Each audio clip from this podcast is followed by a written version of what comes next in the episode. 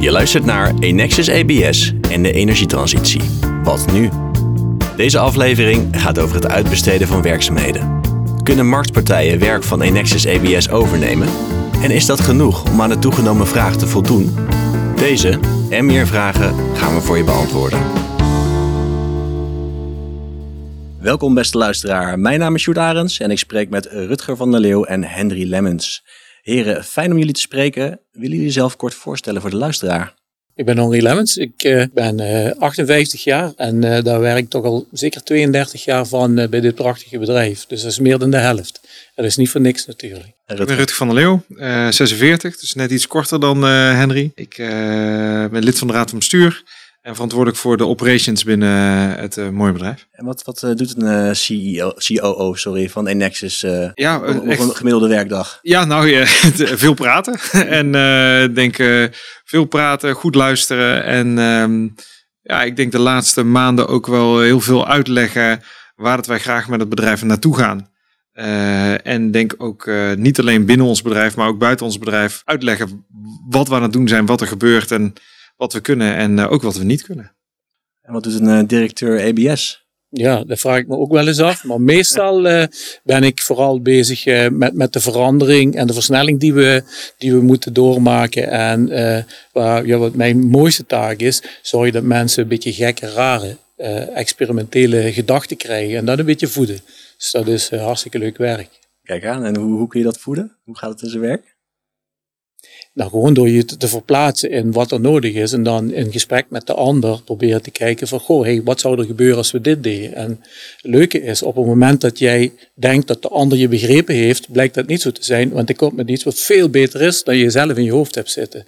En dat, is, dat ontstaat iets van magie, zeg maar. En ja, weet je, dat, dat is beter dan werken, toch? Zeker weten. Wat, ik me ook nog afvroeg, uh, komen jullie vanuit jullie posities ook nog wel eens op locatie? Lopen jullie nog wel eens op stations rond en dergelijke?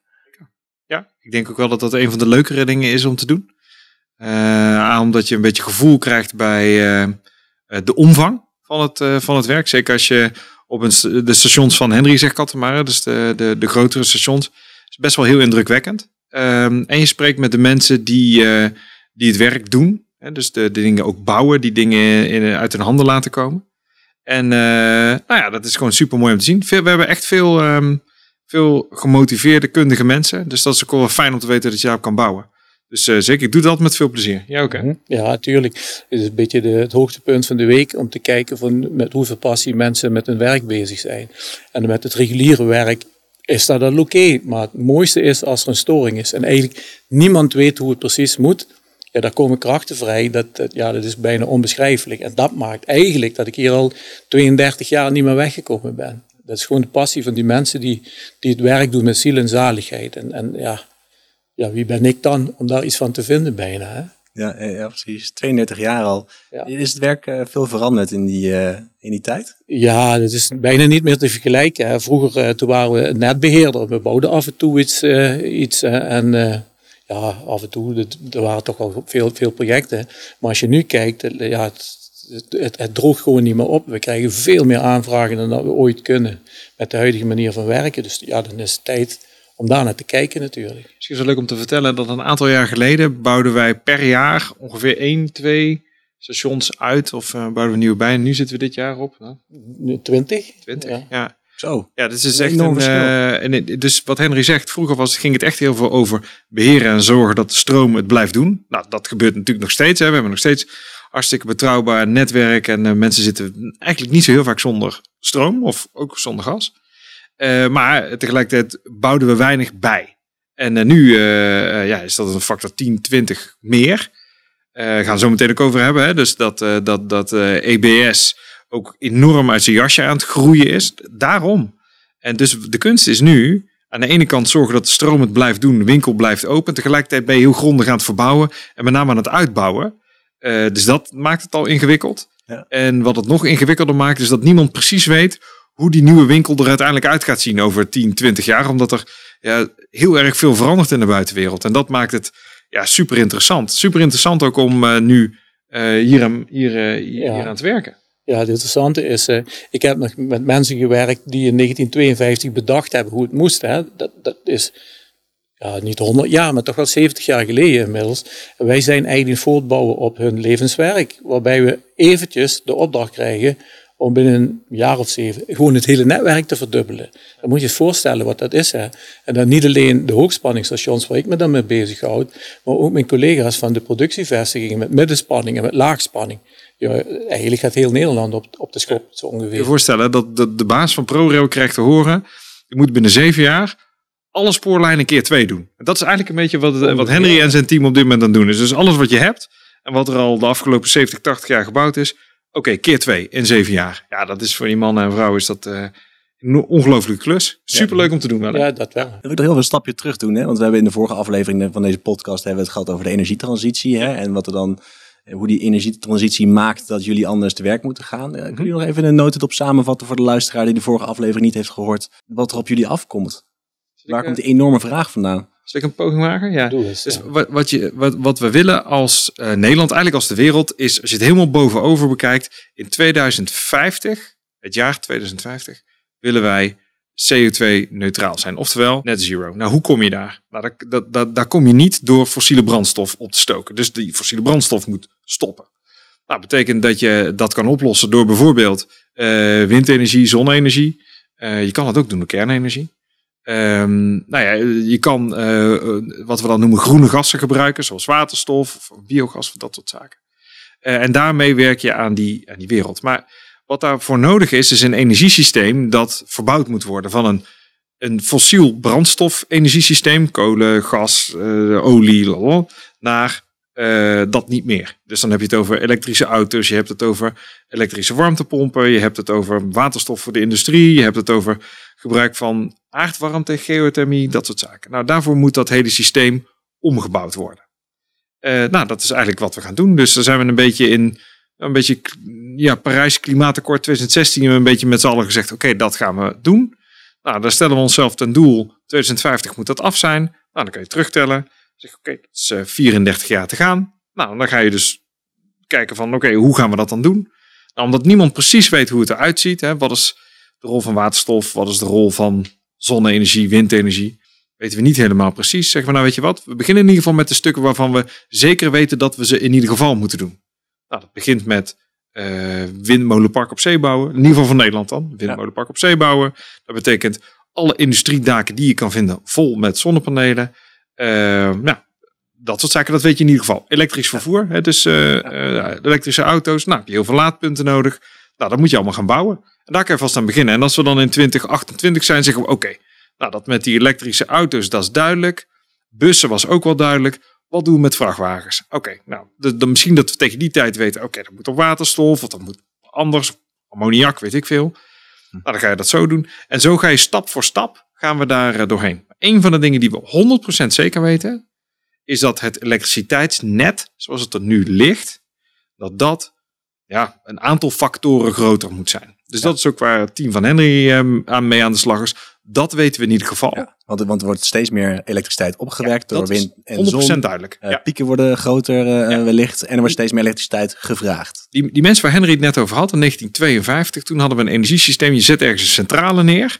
Je trekt een kabel van die centrale naar je huis. Die centrale zet je aan, stroom in je huis. Nou, zo simpel als het. Dat is hoe ons net gemaakt is. Nu is het zo dat je hebt die centrales, maar die staan de helft van de tijd staan die niet meer aan. Die gingen op kolen, ja, dat willen we niet meer. En dan heb je dus windmolens op zee. Alleen ja, die draaien maar 3000 uur per jaar. Die andere uh, 3500, uh, wat is het? Nee, dan nog meer. 8760. Nou, dat bedoel ik. De andere uh, 5500 uur niet. Zonnepanelen doen er maar 1000 uur per jaar. En allemaal tegelijkertijd. Ja, ja maar goed, s'avonds als je licht nodig hebt en je tv staat aan, is er geen zon. Nou, die gelijktijdigheid, dan moet je dus gaan oplossen. Dat betekent dat je een veel volatieler systeem hebt. Dus die energiestromen die gaan van A naar B, van B naar B. Dat gaat alle kanten op. En het is onze taak, en die ook van onze collega's van Tenet, om, dat, om die energiestromen allemaal een beetje te balanceren. En zorgen dat dat een beetje goed gaat. Ja, dat is best wel ingewikkeld. Maar ja, dat, dat, is eigenlijk een beetje wat er, wat er voor ons ligt. Ja. Mhm. ja, dat wordt nog erger, want ik denk dat heel veel van onze grote industriële klanten, die kunnen dus ook geen, uh, geen fossiele brandstoffen meer gebruiken. Dus die willen gaan elektrificeren. Dus hadden we eerst moeite ermee om de nieuwe opwekkers aan te sluiten.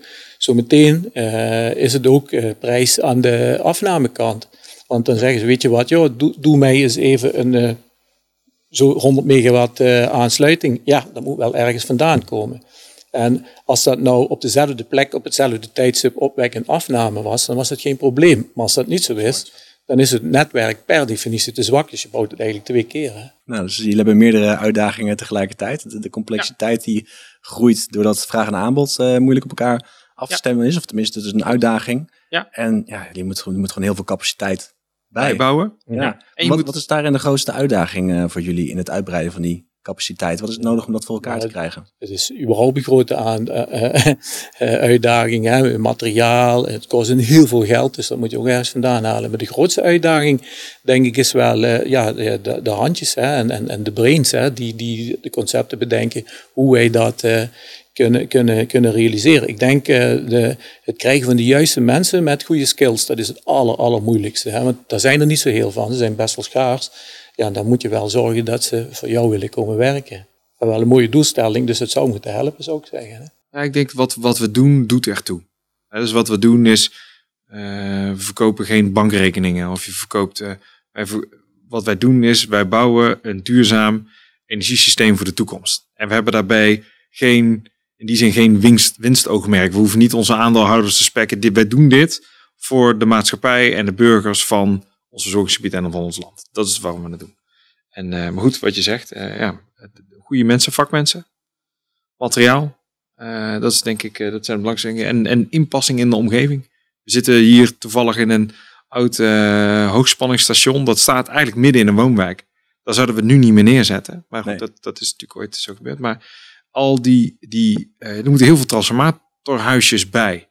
Ja, er is helemaal niemand die de gemeente belt zei Zouden jullie een, een transformatorhuisje voor mijn huis willen neerzetten? Dat zou ik mooi vinden. Die, die zijn er niet zoveel.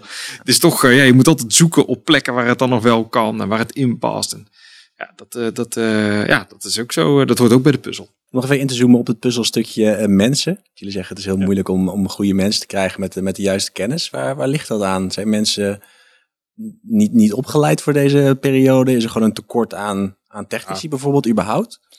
Ja. ja, tekort aan technici überhaupt. Hè. Dat, dat zie je in de hele maatschappij. Hè. De, echt met de handen werken of, of, of in ieder geval direct technisch werk. Ja, dat was niet zo heel populair. Hè. Het begint gelukkig wel een beetje aan te trekken. Maar als je ziet met hoeveel, eh, de werk dat we hebben en hoeveel mensen dat daarvoor nodig zijn, ja, daar kun je niet tegen opleiden. En zeker niet met het reguliere systeem. Dus we proberen dat dan zelf te doen met eigen opleidingscentra. Dat lukt ook aardig, maar het is wel heel erg groot het probleem dat we hebben. Ja. Dus we zullen ook nog andere vaatjes moeten tappen. Ja, ja precies. Ja, want je zei net al, uh, Rutger, uh, de, de, capaciteit moet keer twee. Ja. Ongeveer. Ja, ik kan me voorstellen dat je niet gewoon in een paar jaar ineens uh, twee keer zoveel mensen hebt die. Nou, maar... nou, dat is eigenlijk is niet zo, want ik denk dat Henry zijn club is, denk de afgelopen vijf jaar van ongeveer 300 man naar 600 man gestegen. Het is wel degelijk verdubbeld. Ja. Maar wat je ziet. Nog een keer, keer twee, hè? Ja, wat, wat je ziet is dat de, wij, de afgelopen 25 jaar is het aantal uh, uh, studenten dat van een technische studie afkomt gehalveerd. Nou, dat, kan, dat gaat een hele tijd goed, omdat er een hele generatie is die nog wel eens op, maar die gaan allemaal met pensioen. Je ziet op een gegeven moment dat die, dat, dat die instroom er niet meer is. Op dit moment zien wij dat van de nieuwe mensen die bij ons binnenkomen, technische mensen, 97% daarvan moeten wij nog additioneel opleiden. Soms een beetje, soms gewoon alleen certificaat halen. Maar mensen die van school komen, die gelijk de eerste dag bij wijze van spreken kunnen beginnen, zijn er bijna niet meer. En uh, dus dat vraagt van bedrijven zoals die van ons, maar dat is voor heel veel bedrijven zo, vraagt dat extra uh, opleidingsinspanning. Wij zijn daar al, denk ik al, al ja, tien jaar geleden al mee begonnen. Toen zagen we al wel van, dit gaat anders niet goed komen. Dus ik denk dat wij best mogen zeggen dat opleiden van technische mensen inmiddels al een van onze core competenties is. We hebben vijf locaties waar we dit doen. We hebben uh, uh, leraren en begeleiders die hiermee helpen. Wij leiden op dit moment tussen de 400 en de 500 mensen op. At any given time. Dus wij zijn er inmiddels wel goed in geworden. Het is eigenlijk natuurlijk raar dat je dat als bedrijf moet doen, maar uh, we doen het maar uh, omdat we denken dat het nodig is en dat het goed is. Ja. En ja, ergens binden we ook mensen aan ons die denken, ja, daar kun je fijne opleiding krijgen. Daar word je goed begeleid. Daar weten ze hoe je veilig moet werken. Daar leer je een vak. Dat leer je bij ons. Dus ja, op zich ben ik er ook wel trots op. Ja, het kost ook uh, tijd, kan ik me voorstellen. Is hartstikke veel tijd. Ik kan me kost ook voorstellen dat het wel dubbel is. Want je hebt ook mensen nodig om nieuwe mensen op te leiden. En diezelfde mensen heb je waarschijnlijk nodig om het ja, dat, werk, uh, werk uit te voeren wat er ligt. Ja, dat is, dat is wel waar. Hè? En toch probeer je het zo effectief en efficiënt mogelijk te doen door, door andere opleidingsmethodes uh, te doen, te, te, ontwikkelen. Bijvoorbeeld, we hebben een MS-lab, dat is een middenspanningslaboratorium waar mensen droog kunnen oefenen. We hebben de vestigingen, hebben die. BBV-hallen. Ja. Daar kun je dus mensen in gas- en elektrotechniek opleiden uh, met, met levende omstandigheden. Alleen zit dan een veilige spanning op. Hè. Je gaat niet meteen dood als je daar een foutje maakt, zeg maar. En uh, dat doen we, geloof, hoe doen we het met, met een of andere gas in plaats van uh, zuurstof, geloof ik. Hè. Laten we installaties werken. Ja, en ook onze beveiligingsmensen, die met beveiligingssystemen werken, daar hebben we ook een laboratorium voor waar ze eigenlijk elke willekeurige situatie die in het echt tegen kunt komen, kunt, kunt oefenen. Dat is ook hard nodig. Hè. En dan kun je met één leraar misschien wel tien man tegelijkertijd aan. Terwijl vroeger meer zo meester-gezel uh, verhouding. Ja. Iedere uitvoerder had bijvoorbeeld uh, ja, een leerling bij zich. Ja, en dan ja. loopt maar eens mee een paar jaar. Ja, dat kun je niet meer veroorloven. Dat duurt te lang. Nee, dus het opleiden is ook efficiënter geworden. Ja, dat ook. Precies. Ja. Dat klinkt wel heel gaaf trouwens, om op die manier uh, het, het vak te leren. klinkt wel leuker dan op een hogeschool of een universiteit. Uh. Is het wel. Ik denk ook echt dat we dat goed doen. En ik denk dat het ook, wat ik al zei, het doet ertoe. En, en we kunnen dit inmiddels goed. En we worden er ook echt steeds beter in. En dus uh, ja, maar goed, het, we gaan zien of het uh, genoeg gaat zijn. Hè? Want uh, ja. ja, het is, het is de, de opgave van onze generatie. Dit is, er moet wel wat gebeuren. Ja. Ja, ja, ja, precies. Dus ja, jullie hebben allerlei manieren om meer, meer mensen aan te trekken voor het werk wat moet gebeuren. Het gaat waarschijnlijk niet lukken om, om dat nog een keer te verdubbelen. Mm -hmm. Maar daar hebben jullie een slimme oplossing voor bedacht. Ja, we, kwamen eigenlijk op het idee, als, als je nou op een gegeven moment het, het werk enigszins kunt standaardiseren, zodanig dat je het uh, ook aan een partij met niet de relevante ervaring in de energiesector dan, maar bijvoorbeeld in de petrochemie of in het buitenland of wat dan ook. Hè. Eh, er zijn partijen die best wel uh, competenties hebben, die gewoon een station zouden kunnen bouwen voor ons. Hè. En daar zijn we naar op zoek.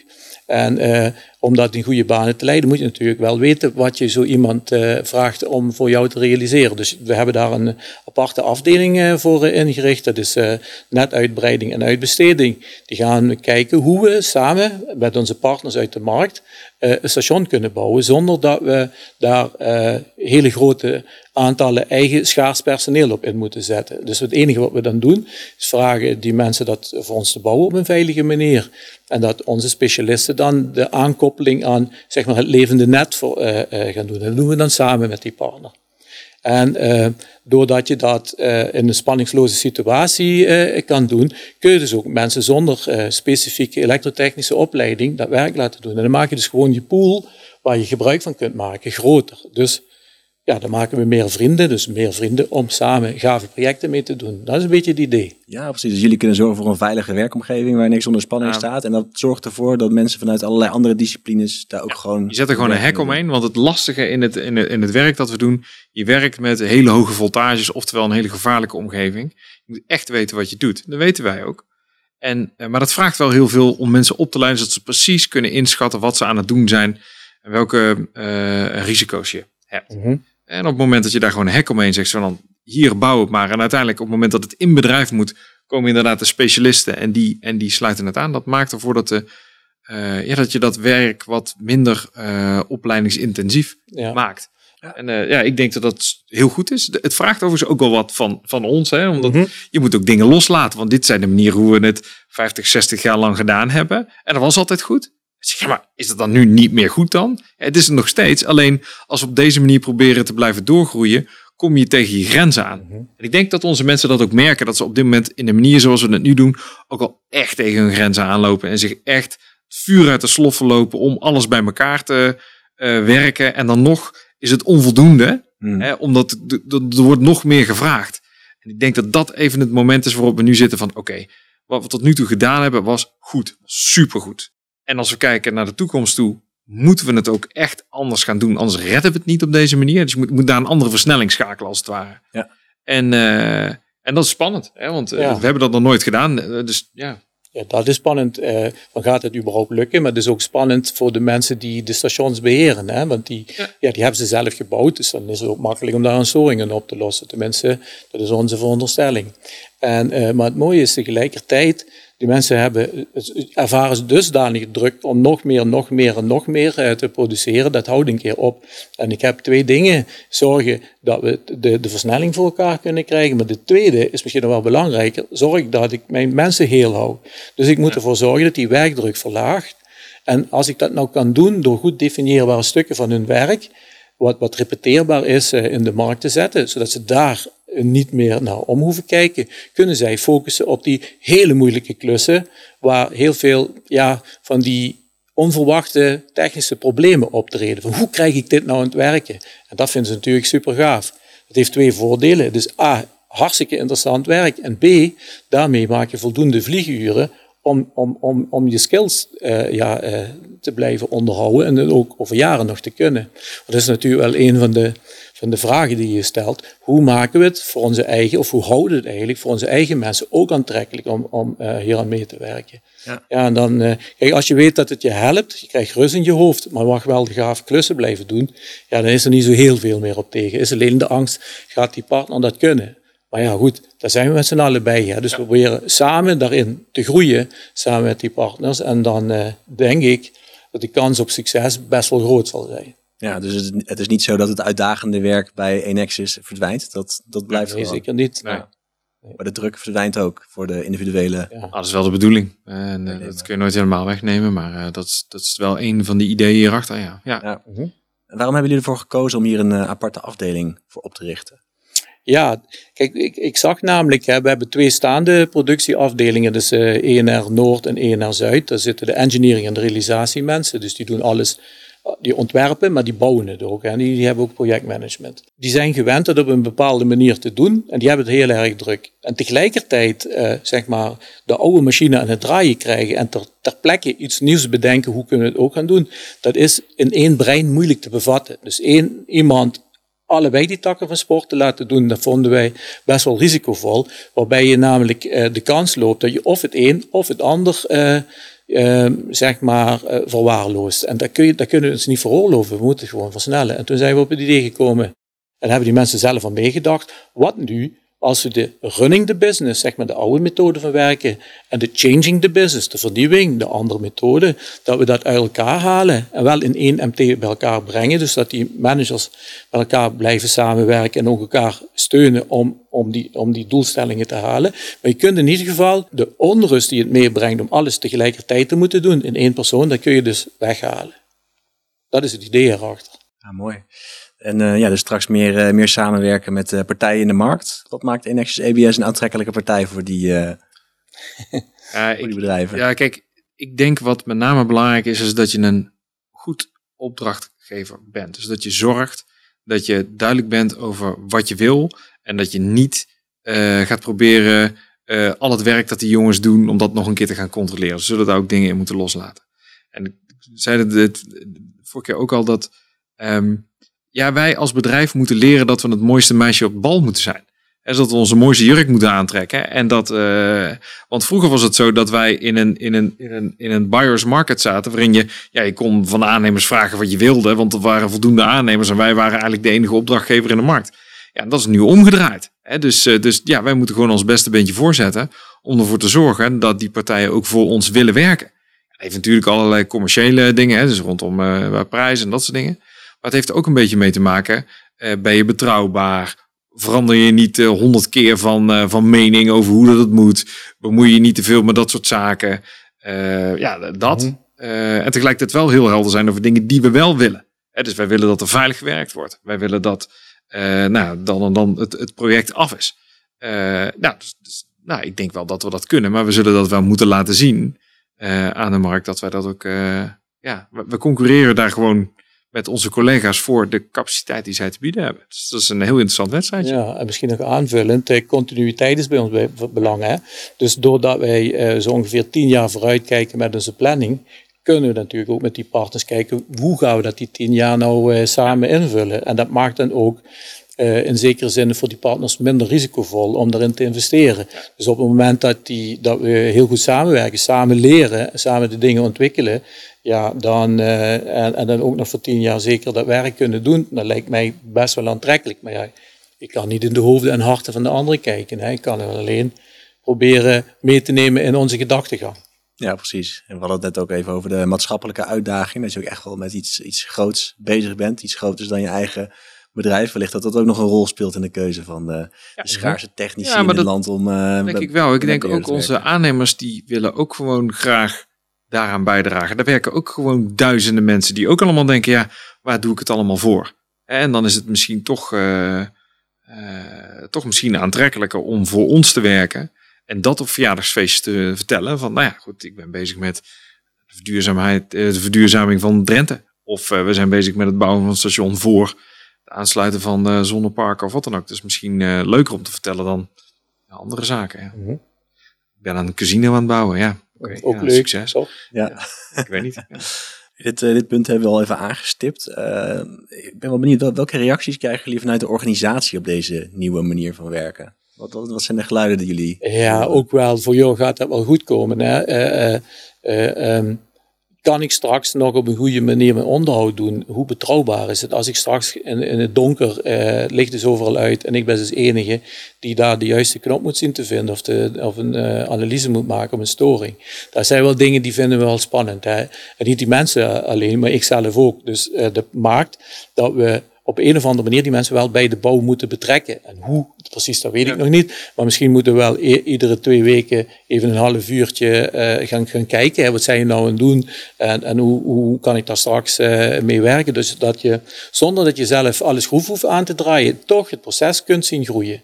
Je kunt gewoon het project groter en groter zien, zien worden zonder dat je er eigenlijk uh, zelf zware inspanningen moet verrichten. Dus dat, dat, dat, dat, moeten we even naar op zoek. Maar ik denk dat het belangrijk is, is dat onze mensen mee kunnen groeien in, in, ja, in, in wat, datgene wat we ontwikkelen en bedenken zijn. En dan kunnen ze zich, denk ik, daar ook wel een voorstelling van maken. En misschien hebben ze nog wel goede ideeën die helpen, wie weet. Hè.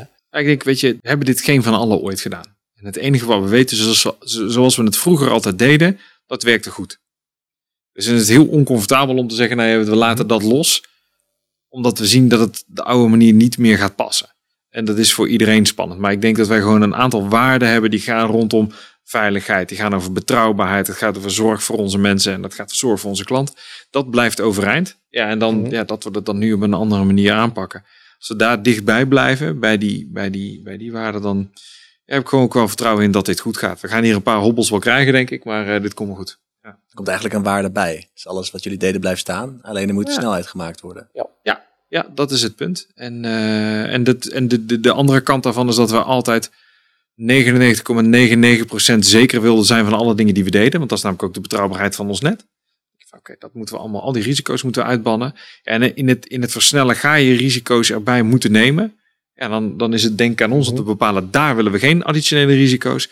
Hier kunnen we dat wel. Ja, ik kan me voorstellen dat dat ook een beetje tegen de natuur van een netbeheerder ingaat. Zeker. Als je moet, als je moet ja, het is net, ja. We zeggen ook altijd, je gaat van een netbeheerder, dus je beheert dingen, je beheerst risico, ga je naar netwerk investeren en netwerk bouwen. Dus je moet dingen bijbouwen. Ja, dat heeft inherent iets anders in zich. Hè? Dus dat gaat dan even over dat je moet wat meer risico's nemen, wat meer avontuur, misschien dingen proberen. Ja, dat is een beetje contra natuurlijk, maar is wel wat er gevraagd is. Mm -hmm. ja. Ja, Waar zitten die risico's dan in? Ja, nou, kijk, wat je gaat doen op het moment dat je een, uh, wat Henry net vertelt. Je zegt, ik zet ergens een hek neer en ik ga daar een uh, aannemer die tot nu toe nog niet voor ons gewerkt heeft, nog weinig, ga ik daar een station laten bouwen voor een gestandardiseerde specificatie, die we ook nog nooit eerder op die manier gebruikt hebben. Ja, daar zitten inherente risico's aan. Ja, dat kan gebeuren. Wat we gaan doen, dus we gaan stations je zou kunnen zeggen in de prognoses voor het station bijvoorbeeld waar we nu zitten, ja, daar zien wij een groei de komende jaren van 60 megawatt. Wat we vroeger deden, zeiden we, oké, dan bouwen we 60 megawatt binnen nu en vijf jaar. Wat we nu doen is zeggen, nou, die 60, dat zou wel eens een keer meer kunnen zijn. Weet je wat we doen? We bouwen in plaats van 60 en misschien over vijf jaar nog een keer 60, we bouwen gewoon in één keer 200. Dan hoef je er niet meer terug, is het in één keer klaar, is het maar af. Het risico daarbij is dat uiteindelijk, als je over tien jaar terugkijkt, dat je zegt, ja, 200, wat een onzin. Dat is heel te Ze weinig. hadden hem al. Nee, zo- ja, dat Ja, is te weinig. Dat zou ook kunnen. Maar een kans is groter dat ze zeggen, nou, je hebt maar 120 nodig. Ze hebben 80 voor niks gebouwd. Oftewel, je hebt gewoon kans, dat gaat gebeuren, dat wij op plekken te veel capaciteit gaan bouwen. Maar wat wij willen is dat we er één keer naartoe gaan. Dat je in één keer alles neerzet. En dan moet het gewoon genoeg zijn. En wat we eigenlijk altijd deden. Ik steel hem nu even van een van onze welbekende collega's Hans Slootweg. Die zijn, we, we zijn altijd getraind op zo laat mogelijk, zo min mogelijk investeren. En wat we nu moeten doen is zoveel mogelijk, zo snel mogelijk. En dat in je kop is dat heel moeilijk. Als je dus 20, 30 jaar lang A hebt gedaan, dan wordt ineens gevraagd om dat compleet anders te doen. Ja, we zijn ook gewoon mensen. Dus we moeten er gewoon even aan wennen dat dat is wat er nu gevraagd wordt. Ja, dat is echt heel ingewikkeld. Eh, maar dat, je ziet dat gewoon gebeuren en dat komt nu. Ja. En, en die risico's nemen, dat gaat. En ik denk dat we dat met elkaar doen. En als we maar gewoon ervan bewust zijn dat Henry weet dat en ik weet dat. En dat we, oké, er zitten hier gewoon risico's aan. Dat kan misgaan. Maar we moeten dit proberen. Oké, prima. Dat zorgt ook voor heel veel nieuwe energie. Ja, maar ook voor nieuwe ideeën. Hè? Maar als je Ja. weet dat je misschien net even te veel of te vroeg, het is eerder te vroeg dan Mm. te veel. Hè? Ja, dan komt die klant, die, eh, eh, die komt misschien een jaar later dan dat je gedacht had. Maar één ding, als we wachten op de aanvraag van de klant, ben je per definitie te laat, want die willen het gisteren hebben. En eh, de ideeën die we daar onder andere door gekregen hebben, is we bouwen modulair. We zetten zeecontainers neer met complete installaties. Dus stel hè, dat, dat we op één eh, plek eh, 50 MVA te veel hebben gezet, plukken we die trafo in de kraan. We plukken die installatie in de, in de kraan en zetten we gewoon 100 kilometer verder op een plek waar wel gevraagd wordt. Vergt natuurlijk wel wat voorbereiding, maar de, de installaties zijn ervoor geschikt of Ja. bedacht dat dat kan. Ja. En ze zijn ook allemaal hetzelfde, dus dat, je zult in principe zou je het zo moeten kunnen doen. Maar ja, het bewijs wordt pas geleverd als we het een paar keer eh, gedaan, Gedaan hebben. hebben, ja. Ja. Leuk hoor. Ja, ja, dat Ja. Klinkt, heel, eh, klinkt heel leuk. Klinkt als een spannende tijd. En Ja. ik kan me voorstellen dat het voor bestaande medewerkers inderdaad een soort gedachtenslag vergt. Ik kan me ook voorstellen dat het super interessant is voor mensen die misschien op zoek zijn naar Ja. ook werk in deze sector. Maar weet je wat ook is? Ook voor ons, de mensen die dus eh, nieuw bij onze club komen, die dit tof vinden om hier te werken en om hier aan mee te werken, die brengen ook nieuwe ideeën mee. Dus wat Henry net zegt, het is ook buiten het feit dat je, je kan het zien als een probleem van, oh ja, het is heel moeilijk om mensen te krijgen. Ja, oké. Er komen er wel heel veel bij. Hè? Dus eh die club is inmiddels al verdubbeld de afgelopen vijf jaar. Maar het is ook een enorme instroom van nieuwe mensen, nieuwe ideeën. Dat, dat, ja, weet je, dat, het heeft ook gewoon een positief effect. Mhm. Ja. Ja. want die mensen komen ideeën, met ideeën, omdat ze gewoon niet weten dat dat niet werkte. Tenminste, wij dachten het niet werkte, maar dat wisten zij niet. Hè? Ja. Dus die proberen het blijken toch te kunnen. Kijk, dat zijn de dingen, ja, dat, dat is gewoon leuk om te zien. Hè? En ik, oeh, het kan toch. En, en, en ik hoop dat we dat soort momentjes, ja, misschien niet elke dag hebben, maar toch al een paar keer eh, per maand of zo toch wel, eh, hoop ik tenminste. Ja, ja, precies. Daar gaat die nieuwe afdeling daar een grote rol in spelen. En het ruimte geven aan mensen om met vernieuwende ideeën te Ja, dat is eh, in ieder geval de kweekvijver, denk ik. En de hoop dat het ook een beetje af, afstraalt op eh, eh, de mensen van de, van de reguliere processen, zeg maar. En die hebben ook ideeën genoeg, hè. Daar ligt het helemaal niet aan. Alleen die zitten in een bepaald keurslijf van productie moeten draaien. Dat de bodem, of de, de vruchtbare bodem die het nodig heeft om die ideeën ook in de praktijk te brengen, ja, die, die ontbreekt dan soms in de waan van de dag. Eh, dus door misschien iets anders te organiseren, komt die ruimte er wel. En blijken heel veel mensen hartstikke goede ideeën te hebben. En ik denk dat dat ook iets is eh, waar je samen creatief mee kunt en moet zijn. En dat maakt nou dat het heel erg leuk is om, om eraan mee te werken. Ja, nou, dat lijkt me een mooie uitspraak om eh, mee te eindigen. Jullie krijgen er een interessante rol bij, net investeerder. Dat betekent dat Nexus ABS op een andere manier te werk moet gaan. Meer vooruitkijken en slimmer omgaan met de mensen die op de arbeidsmarkt beschikbaar zijn. In de volgende aflevering zoomen we verder in op de nieuwe afdeling NNU en gaan we kijken wat daar concreet gebeurt. Voor nu, bedankt voor dit gesprek. Ja, bedankt. Gedaan. Dankjewel. Bedankt voor je interesse in deze podcast van Enexus ABS. Heb je een vraag, op- of aanmerking? Schroom dan niet om via enexus-podcast.nl een reactie achter te laten. Wil je meer horen? De volgende aflevering komt over één week online. Graag tot dan.